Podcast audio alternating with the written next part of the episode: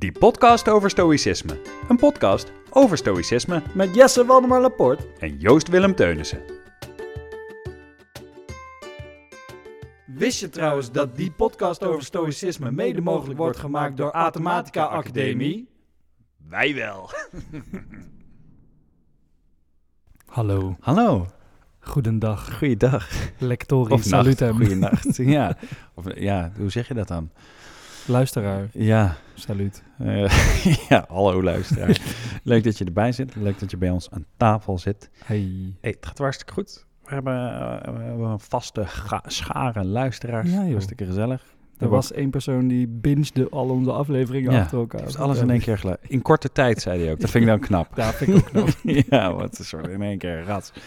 Oh, je kan misschien versneld afspelen. Dat is slim. dat doet. Oh, dat kan. Ja, dat, Ja. dat is slim. Dat je hem op 1.2 of 1.5 zet, dat doe ik ook wel eens. hey, eh, Hans, filosofische podcast, dat klinkt toch heel saai? Ja, maar als je drie keer zo snel speelt, is het hartstikke boeiend. Ja joh, dan gaat ze erheen, moet je best doen bij te blijven. ja, precies. En dan is het half uurtje zo voorbij. Ja, en ineens heeft je leven zin. Precies. Ja, hey, over eh, leven gesproken. Vandaag gaan we het een beetje over dood hebben. Ja, een beetje wel. Ja, maar meer over eh, doodgaan of dood, ja, ja, sterven voor je overtuigingen, Ja, zeg maar. wanneer wel, wanneer niet. Ja, en ik, ik denk dat dat ook eh, een beetje actueel is natuurlijk wel. Eh, sterven voor je vaderland is een Ja. ding. We hebben het over dienstplicht gehad, jij en ik, Ja. niet al te lang geleden. Overtuigingen zijn ook wel een ding nu. Ja, overtuigingen zijn nogal een ding, zeker. Ja. nou ja, ik, ik weet niet precies hoe het werkt, hoe je polarisatie test. Maar volgens eh, de bevolking zijn we gepolariseerder dan ooit. Ja. En dat wil dus zeggen dat mensen, eh, nou ja, in ieder geval hard achter hun eh, overtuigingen staan. Ja. Maar voordat we daarover verder praten, laten we weer beginnen met een quote. Yes. De quote komt van Sir Bertrand Russell. Eh, Bertrand, dat, Bertrand was een, Russell. eh, dat was een Britse filosoof, historicus, pacifist, Humanist. humanist, eh, rationalist. Je, je kan een heleboel isten tegelijk zijn. Ah, ja, hij was van alles. Hij, bewees het. Ja. ja, en- Er zijn nog hele schattige beelden van hem dat hij op hoge leeftijd nog interviews aan het geven is. Waarbij Ja. hij zo heel schattig een beetje aan het praten is, maar dan in het Engels. Ja, en je, kan- je kan hem nog gewoon zien. Dat Ja. vind ik altijd leuk. We hebben, we hebben dat met een paar mensen gehad. We Ja. hebben dat ook gehad natuurlijk met, Met, eh, eh, Viktor Frankl. Victor Frankl. Ja.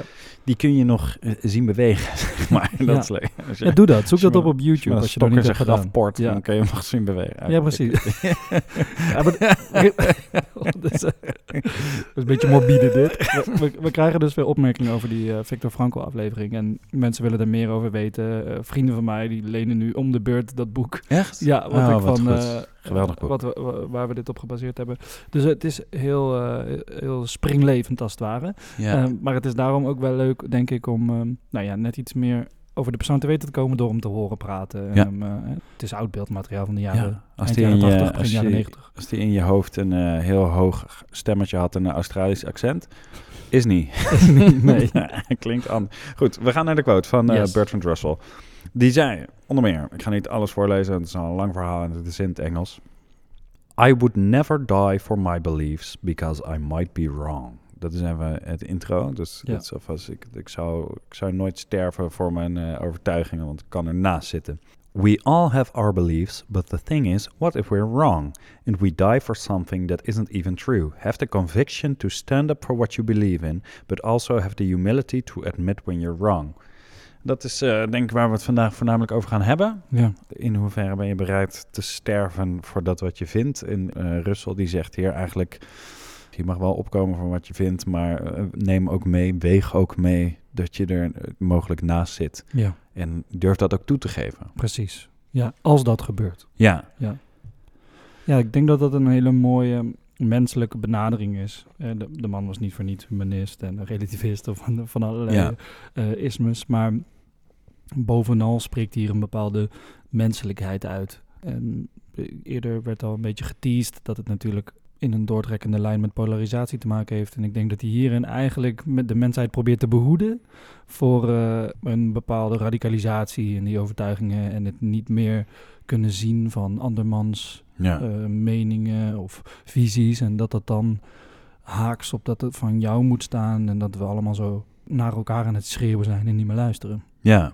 ja, en zelfs als je allemaal gelijk hebt, als het ware, of zelfs als Ja. je gelijk hebt, is die overtuiging die je dan hebt, is die dan werkelijk meer waard dan je leven, Ja. als het ware? En is het het meer waard om, om de ander te overtuigen van jouw standpunt, dat je liever nog doodgaat Ja. dan dat je daarvan afwijkt? Ja, Nou ja, en ik denk dat je jezelf sowieso altijd die vraag zou kunnen stellen van, van is mijn leven meer waard dan mijn ongelijk of mijn gelijk, zeg maar. ja. En stoïcijns bezien is het antwoord eigenlijk sowieso altijd nee. Dat je, Mhm. dat je als je de waarde van een stoïcijn nastreeft, dan is je gelijk krijgen of je overtuiging, die staat niet bovenaan. Ik denk sowieso dat je eh, zou kunnen zeggen dat waardig sterven eigenlijk nooit is vanuit hardnekkige overtuiging, maar misschien wel vanuit bijvoorbeeld vrijheid. Dat Ja. je, eh, je kan wel ja, geloven dat jij als mens vrij moet zijn. En dat, dat is ook weer hardnekkig. Dus nu lul ik mezelf eigenlijk een beetje in een hoek. ja. En jij? Nou, nou, ik vind het wel mooi dat je zo in dat hoekje terechtkomt. Want ik, ik wilde je vastpinnen met, waar is het dan wel waard voor om te sterven? Het, is het het wel waard om te sterven? Weet je, ik sterf gewoon niet. Liever niet. Nee, ik heb ongelijk. Is goed. Mag ik nu uit dit hoekje? ja, ik blijf. ja, eh, ja, dus luisteraars, nemen jullie het even over. Nee, ik, ik snap heel goed wat je bedoelt, denk ik. Ik denk dat het... eh, nou, het is een soort over, vergrote trap. Zo van, oké, je gelooft ergens in. En ben je bereid ervoor te sterven? Dan is het zo, oké, dan, ben- dan geloof je er wel heel erg in, of ja, niet? ja. Dan, is, dan is het du- dusdanig van betekenis in je leven... dat je bereid bent je leven ervoor te geven. En dan is eigenlijk wat de stoïcijnen zeggen... is, eh, nou, wees nederig en eh, geef toe wanneer je ongelijk hebt. En dat, Ja. dat zegt Bertrand ook. Eh, die zegt ook, ja, heb je overtuigingen... maar wees ook bereid om toe te geven wanneer je ongelijk krijgt. Wanneer de feiten voor je, voor je neus liggen. Ja, en ik denk dat, eh, dat veel eh, hooligans, patriotten, eh, van die overdreven masculine mensen, dat zij het als een heel goede eigenschap zien, dat ze zelfs hun leven ergens voor durven te Ja. geven. Nou ja, be that as it may, laten we zeggen dat dat een goede eigenschap Ja. is, dat je ergens voor wil sterven. Dan is het nog heel moeilijk. Stel dat je zegt, ik wil sterven voor Ja. mijn vaderland. En iemand zegt, ja, maar jouw vaderland is eigenlijk niet zo goed Ja. land, want eh, dit en dat. Ja, maar nou heb ik gezegd dat ik voor wil sterven. Ja. Ben je dan nog nederig genoeg om terug te gaan? Ja, precies. Wat ik, wat ik denk dat een belangrijk onderscheid te maken is... om, eh, om ergens voorvechter van te zijn... is wees bereid ergens voor te strijden... Ja. maar niet voor te sterven. Ja, en eh, neem in je bereidheid om ergens voor te strijden dus ook mee dat je ook bereid moet zijn om het weer los te laten. Ja. Om echt aan te gaan. Nou, misschien is het niet waar. Ja, hoewel veel van zulke types zoals je nu omschrijft... Mm. denk ik, als ik zo mag invullen...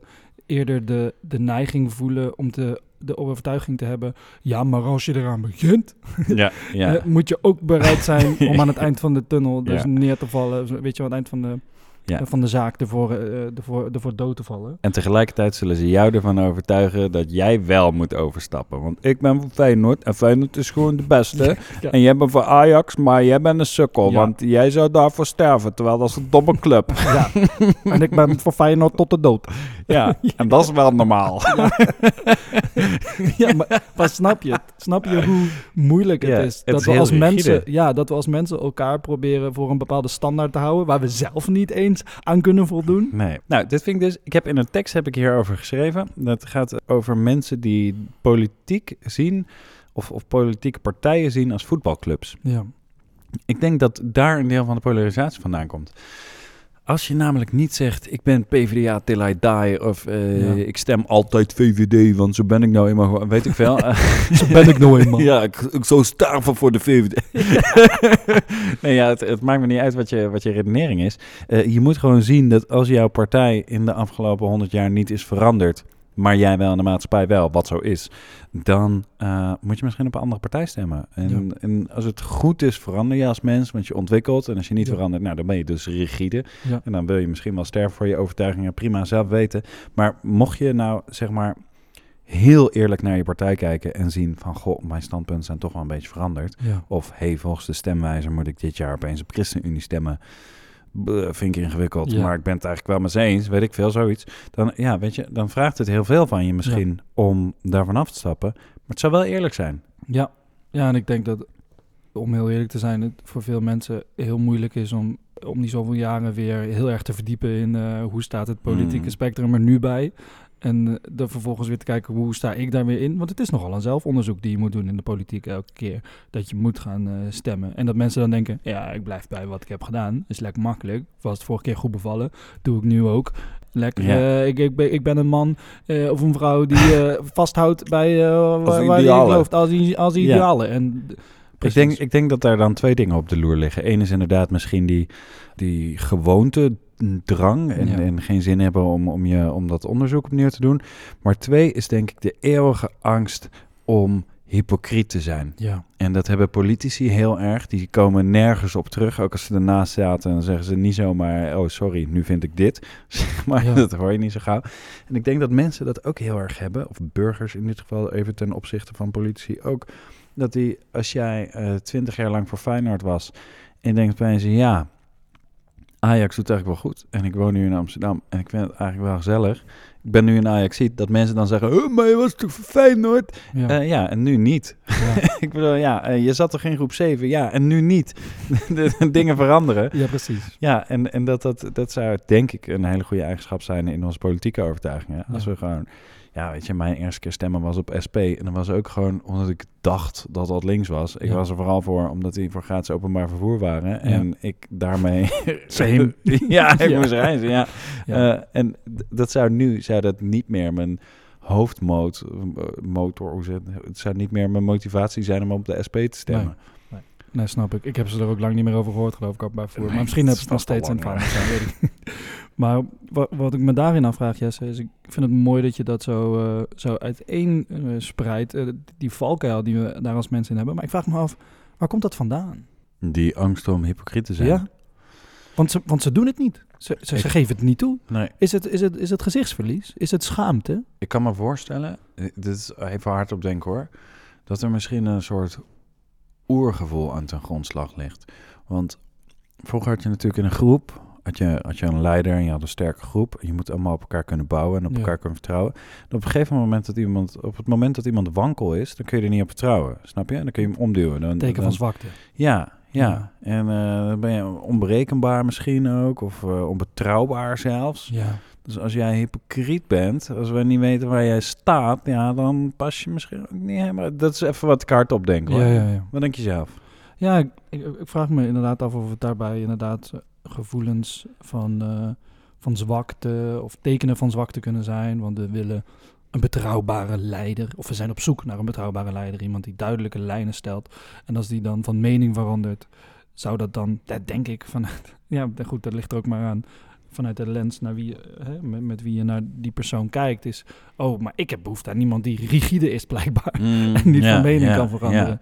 Ja, terwijl Ja, ik denk, weet ik in ieder geval waar ik sta, waar ik aan toe ben. ja, Dus, ja. terwijl, nou ja, goed, we, we weten wat dat oplevert in de politiek. Ontzettende polarisatie en mensen die bijna niet bereid zijn om met elkaar te praten of door dezelfde deur te komen. En ehm, hoe, hoe moeilijk was de laatste? ja, maar je weet misschien wel als directeur van Shell, ik weet in ieder geval wel dat Mark Rutte zou sterven voor het kapitalisme. en dan, Nou, nou, dat gaat hij doen ook. Ja, en dan ga je daarop stemmen, dan ga je daarop stemmen want ja, je weet waar je Ja. aan toe bent. Ik ga even proberen een gangster quote uit mijn eh mouw te schudden. In een tijd waarin iedereen rigide vasthoudt aan zijn standpunten uit angst om hypocriet te zijn, is het juist een teken van kracht om van standpunt te durven veranderen. Oh, oké. Mic drop, dames en heren. Wie was dit? Van mij? Van jou? Ja, ja, ik, ik schud het werkelijk uit mijn mouw. Oh, ik, was, ik was gewoon even eh, dit aan het bedenken. Van, Ah, Is het, is het niet juist op het moment dat, dat niemand meer van standpunt verandert, heel erg knap om van standpunt te veranderen? ja. En daar ook gewoon voor te staan. Nice. Dan zeggen we, ja. schrijf deze op, dan gaan we je later quoten. Ja. oh, trouwens, dit is van een Lappert. To- Ik was het toch? Was ook zei? humanist en eh, van alle- ja, pacifist en eh, andere Ja, precies. Dus eigenlijk wat jij doet. Hm? Wat jij doet is je draait het om. Dus je zegt, Ja. eh, het wordt gezien als, eh, of tenminste het werd gezien, en zeker door eh, de hooligans en rigide mensen, is het een, voor hun misschien een teken van zwakte. We, we zouden misschien zelfs een parallel kunnen maken naar toxisch masculien, dat dat op die manier wordt gezien. Maar jij zegt eigenlijk, ja, maar wat nou als we het omdraaien? Wat nou als het een juist iemand betrouwbaar maakt als leider, omdat je weet dat in het licht van andere gegevens iemand in staat is om van mening te veranderen. Precies. Ja, en, dat, en dat vergt juist heel veel kracht. En we hebben Ja. het ook wel eens gehad over verandering. Dat, dat alles altijd maar verandert. En je, Ja. je ziet dat naarmate mensen ouder worden, dat is ook gewoon biologisch. Ja. Het is geen dis. Wel ook, maar Ja. het is geen dis. Dat mensen gewoon meer rigide worden. En Ja. dan is het knapper om mee te gaan Ja. met verandering Precies. natuurlijk. Ja. Quote van eh, Heraclitus, om toch even gangster te doen. Doe het. Eh, verandering is het enige constante. Precies. Ja. Alles verandert, behalve dat alles verandert. Behalve dat alles verandert, behalve dat. Is dat niet een quote van... eh, Ik heb hem laatst verwerkt in een gedicht. ja, leuk. Is, ik ben nog aan het schrijven. Ja, tuurlijk. Ja, Het schrijf hem op, want we eh, moeten hem quoten. Teken. van- We zijn verder helemaal niet Nee, maar dat is gewoon handig voor eh, op de gram of zo. oh, dan kunnen we zo'n zo'n citaat van onszelf uit, uit ons gesprek eh, op, op de tijdlijn Oh, wauw, zetten. Ja, zodat, zodat wij worden, worden gedeeld, zoals alle Ja, mensen die wij eh, bekijken. Ja. Maar ik vind, dat, ik vind het wel mooi dat je zegt, om, om, om dan toch even inhoudelijk in te gaan, op dat het een, eh, een sterk debat is. Want ik denk juist, zeker in, in deze tijd, dat we daar vaker een beroep op moeten doen. Hè? Op het feit dat we juist in staat zijn om van mening te kunnen veranderen. En wat ik denk ik daar dan aan ten grondslag ligt, is eh, naar andere mensen kunnen luisteren en de dialoog aan blijven gaan. eh, zonder rigide te worden, zonder de aloude dogmatiek eh, om de hoek te laten komen. Om, om- omdat het leven nou niet helemaal vaststaat volgens bepaalde principes. Nee, sowieso op het moment dat iets een dogma wordt, zit je verkeerd, denk ik. Ja, hè? Ja, op het moment dat je niets meer in de weg laat komen van je overtuiging. Ja. ja, weet je, nou... Nee. Wel, wel lekker betrouwbaar voor de hooligans. Nee, zeker heel lekker betrouwbaar. En ik denk, nou ja, ik denk wat dat betreft eh, dat, oh, dat een, eh, een, een werkelijk religieus mens is dogmatisch. Dat moet wel, want anders twijfel je aan je God. Oh ja, ja precies. Als, als je een creationist bent dan. Ja, precies. Ja, ik wou zeggen, want het is, het is ook wel nogal verbonden aan het christendom in die zin. Ja. Ja. Ja, want als je dog van dogma omdraait, krijg je God. Ja. Ja. Daar heb je nog Als je eens dogma omdraait, krijg je am God. Wow. Who is I am shit, God? oh shit, oh wat, wat, waar zijn we achter gekomen hiermee? Ja, en, da- en dat is natuurlijk ook het, het hele moeilijke eraan, is dat het ehm, als mens op deze aarde je continu uitgedaagd wordt om een soort, ja, ik wil bijna zeggen, een soort eh, framework te maken over hoe het leven te interpreteren. Want we zijn volgens mij continu bezig met het interpreteren van het leven en Ja. dat langs pro- proberen daar een soort van, ja, ik weet niet hoe jij dat doet, maar ik probeer verbindingen te leggen met dingen die Mm. gebeuren en ik probeer patronen te doorzien en, en hoe dingen Ja. gebeuren en dan krijg je Mhm. dat je soms de neiging hebt om een bepaalde hoek op te lopen. Zo van, Ja, oh, maar ja. dingen gebeuren vaker zo, is het dan zo? En Ja. dat je dan uitzonderingen op die situatie tegenkomt en denkt, nee, nee, nee, het is Nee. niet allemaal zo. Nee, maar nee. misschien heeft het, leven een klein, heeft het leven een kleine neiging die kant op te gaan, af en toe. Ja, ja, Weet je wel, zodat, zodat ik mezelf een beetje censureer om niet Ja, te dogmatisch te worden in mijn overtuigingen. Want dingen gebeuren altijd zo. ja. En dingen gebeuren altijd zo. En dingen horen zo. En dit moet zo. En Ja. dit, dit, dit staat vast. En aan het eind is daar God. En dat is ook uit een soort behoefte aan zekerheid, Ja, ik, nou, ik, ik denk wel dat we als mensen continu bezig zijn om een soort ja, zekerheid te creëren voor onszelf in het leven. ja, Want ja, zeker. hoe fijn is het om een, om een God te hebben die als een rotsvaste Ja, gegeven vaststaat, waar je altijd naartoe kunt, ja. waar je naar kunt bidden en eh heil in kunt, je heil in kunt vinden. Ja, en, nou ja, dat, eh, dat is denk ik vindt. ook het, het, het ding natuurlijk van eh, religie geweest. Van het allemaal zelf oplossen is heel relaxed. Ja. ja, ja het, het- moet je het allemaal moet je zelf verantwoordelijkheid nemen. En dan moet je dealen met je angsten voor wat er na de dood gebeurt. Ja. En nou ja, eh, verantwoord maar eens alles wat je doet. En wat nou als je heel erg bang bent, dan is het toch wel fijn als je dat even buiten jezelf kan leggen en kan zeggen, hé, hey, maar God, eh, help. En alles Ja. wat gebeurt heeft een reden en weet ik veel wat. Ja, en dan Ja. is een pastoor die zegt, het komt goed kind. Ja, als je, als je een je. voetreis maakt naar Rome en mij nu al je geld geeft, dan komt het helemaal goed. Toch? Ja. Geef al je geld gewoon aan de kerk en dan komt alles helemaal goed. Nou ja, dat is het vervelende aan eh, hoe eh, zo'n dogmatiek je ook vatbaar maakt om misleid te worden in, Ja. eh, in bepaalde zaken. Omdat Ja. je dus zo je... Kijk, het kan ergens fijn zijn om, om als het ware te denken in zo'n bepaalde speer. Hè? En om zo'n zo'n richting te hebben en heel eenduidig te kunnen denken. Oh, dat is lekker makkelijk, want je hoeft, niet- je hoeft niet eh, te veel naar links of naar rechts te kijken. maar het is- oogkleppen zijn een keuze. Ja, toch? Ja, Ja, man. Dat, is, dat, dat vind ik echt. Dat ik, en zeker als we, dan, als we dan een klein, weer, een klein beetje zo kijken naar de eh, hedendaagse maatschappij, is dat het gewoon heel, heel moeilijk is om al die mensen om je heen te zien polariseren. En ja. het begon, nou ja, het was al bezig, denk ik daarvoor, maar in mijn ogen begon het zeg maar eh, groteske vormen aan te nemen toen we allemaal verschillende meningen hadden over de coronapandemie en dat hè, heel eh, groots werd en Ja. eh, nou allemaal publieke figuren van voor's en tegenstanders en het nieuws kwamen en Ik kan me voorstellen dat tijdens de verzuiling misschien eenzelfde soort tendens heerste in het Ja. land. Dat Ja. mensen dachten, oh ja, we hebben nu zuilen, zij en hun en hen en wij, wij, ja, en ons. Eh, dat, dat daar ook zo'n soort, eh, Ja. nou ja, toch emotie heeft geheerst. Van, Ja. nu is het alleen maar wij, zij denken. En dat toen die zuilen een beetje afbrokkelden. Mensen dachten, oh, misschien komen we nu weer wat dichter bij elkaar. precies, dat katholieken weer met protestanten mochten trouwen. Ja, ja, dat, eh, dat er niemand tussen jou op dat kussen lag, zeg maar. ja, ja. ja. ja. Idee ook. Je had het over die speer en dat, dat, eh, dat, dat is ook lekker. En eh, wat, wat Russell eigenlijk zegt is van prima die speer eh, doen, maar wees bereid om die speer ook gewoon om te draaien of af te breken of af te zagen of een Ja. andere kant op te sturen. Ja, En, en daarom zei ik oogkleppen zijn een keuze. En Ja. dat deed me denken aan een quote van Ronald Goedemond. Die zei, eh, als je een paar oogkleppen opzet en ze zitten lekker, is de kans groot dat je een paardenkop hebt. en ik vond dat een heel relaxed quote. Want duurde ook heel lang bij het publiek. Eerst was het even zo... Oh!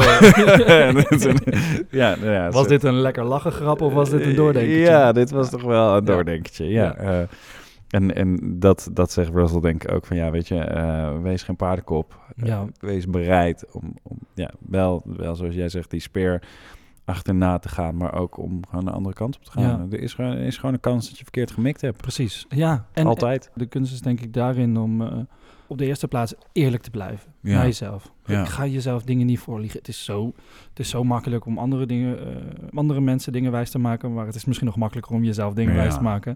Maar als we heel eerlijk blijven kijken en kritisch blijven reflecteren naar onszelf, weten we, we kunnen eigenlijk bijna niks zeker weten, toch? Nee.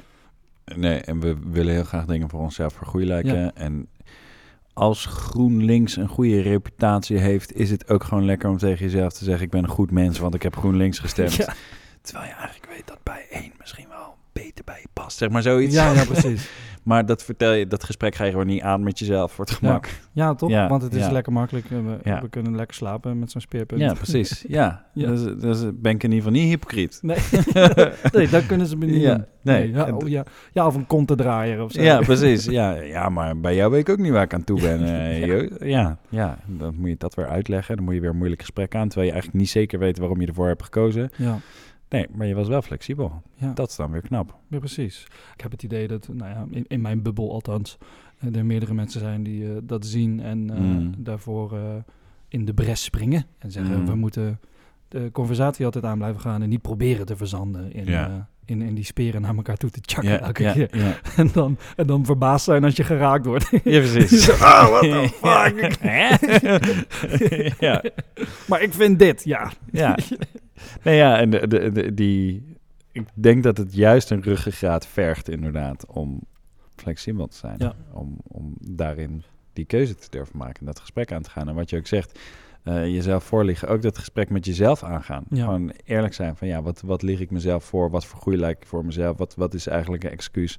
En zijn mijn overtuigingen, bevraag ik die genoeg? En dan kom ik toch weer een beetje uit bij Nietzsche, dat je toch maar een verzameling bent van overtuigingen, van mensen met overtuigingen, van mensen met overtuigingen. Ja, En dat, dat alles wat je denkt, kun je gewoon onderuit schoffelen. Ja. En het kan zijn dat je onderaan de streep uitkomt bij dezelfde overtuigingen, maar dan heb je ze in ieder geval eerlijk bevraagd. Ja. En ik zat net ook nog te denken gedurende dit gesprek, een waarheid heeft denk ik niet het eeuwige leven. En dit is misschien weer een onderwerp voor een hele andere podcast. ja. Maar ze zeggen je hebt een waarheid, bijvoorbeeld Feyenoord is de beste of eh ik moet GroenLinks stemmen, weet ik veel. Ja. Maar het kan ook een ander soort waarheid zijn. Dat de, de kans dat dat 100 jaar later weer zo is of nog Ja. zo is, is gewoon klein. En de kans dat jij dan hetzelfde bent, is vooral heel erg klein. Dus die waarheid verandert met de tijd. Ofwel voor jou of inhoudelijk zelf. En, Ja. en ik denk dat dat ook goed is om mee te wegen. Van ja, ik stem nou al tien jaar dezelfde partij. Ja. Ben ik dezelfde als tien jaar geleden? Ja. Is die partij dat ook? En het kan zijn van wel, maar vraag jezelf dat af. Precies. Ja, ja en ik, ik denk dat dat ehm, hele mooie ontwikkelingen zijn. Ik denk dat dat ook iets is wat eh, misschien pas zichtbaar wordt in de loop van meerdere decennia. Mhm. En hoe we nu bijvoorbeeld, een, eh, nou, een mooi voorbeeld daarvan zelf vind ik bijvoorbeeld eh, de Zwarte Pieten discussie. Waarbij ik, nou, om eerlijk te zeggen, tien jaar geleden nog dacht, dik prima Zwarte Piet. ja, tuurlijk. Ben ik in de loop van tien jaar gegaan naar, ah, wacht even. Ja, ja, dit klopt niet. ja, Dit moeten we rechtzetten. omgedraaid. Dit is een foutje. Ja, Ik heb, ben daarin van mening veranderd. de speer de andere jaar. kant op. Speer de andere kant op Ja. Ja. En eh, waarin, waarin we merken dat het zo is dat er veel mensen, denk ik, die beweging hebben gemaakt. Althans, veel mensen om me heen. Of nog Mm. die beweging aan het maken zijn. Als je dit luistert, kan zijn dat je nog een twijfelaar bent. Of, eh, of, of denkt van, nou, eh, Zwarte Piet dik, prima. Maar ik, ik denk dat de geschiedenis eh, ons leert om uiteindelijk te weten wat we eigenlijk ergens misschien al wel een beetje wisten, maar dat het ons gewoon eh, de, de waarheid zal uitwijzen. Ja. Althans, over bepaalde zaken. Een Zo- aantal van ons had oogkleppen op, een Ja. aantal wist gewoon echt niet, een Nee. aantal was wel flexibel.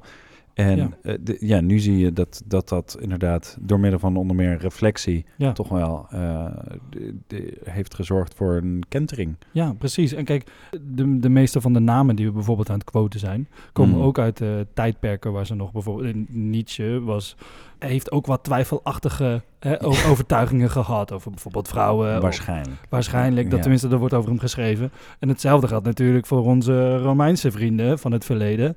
Eh, die, die hadden slaven en Ja, eh, anderszins andere onderdrukkende opvattingen over vrouwen Ja, of andere ja. soorten mensen. Of, eh, of, bepaalde, Dingen die we nu verwerpelijk ja, zouden vinden. dingen die we nu verwerpelijk Ja, zouden ja, waarvan we nu kunnen zeggen, oh ja, maar Ja, geschiedenis heeft gelukkig uitgewezen dat je daarnaast zat. Je had wel gelijk, maar je had ook slaven, dus had je wel gelijk. Ja, nou ja, goed. Ja, En dat moeten we denk ik altijd in perspectief blijven zien. natuurlijk. De uitnodiging is daarbij om open te blijven kijken.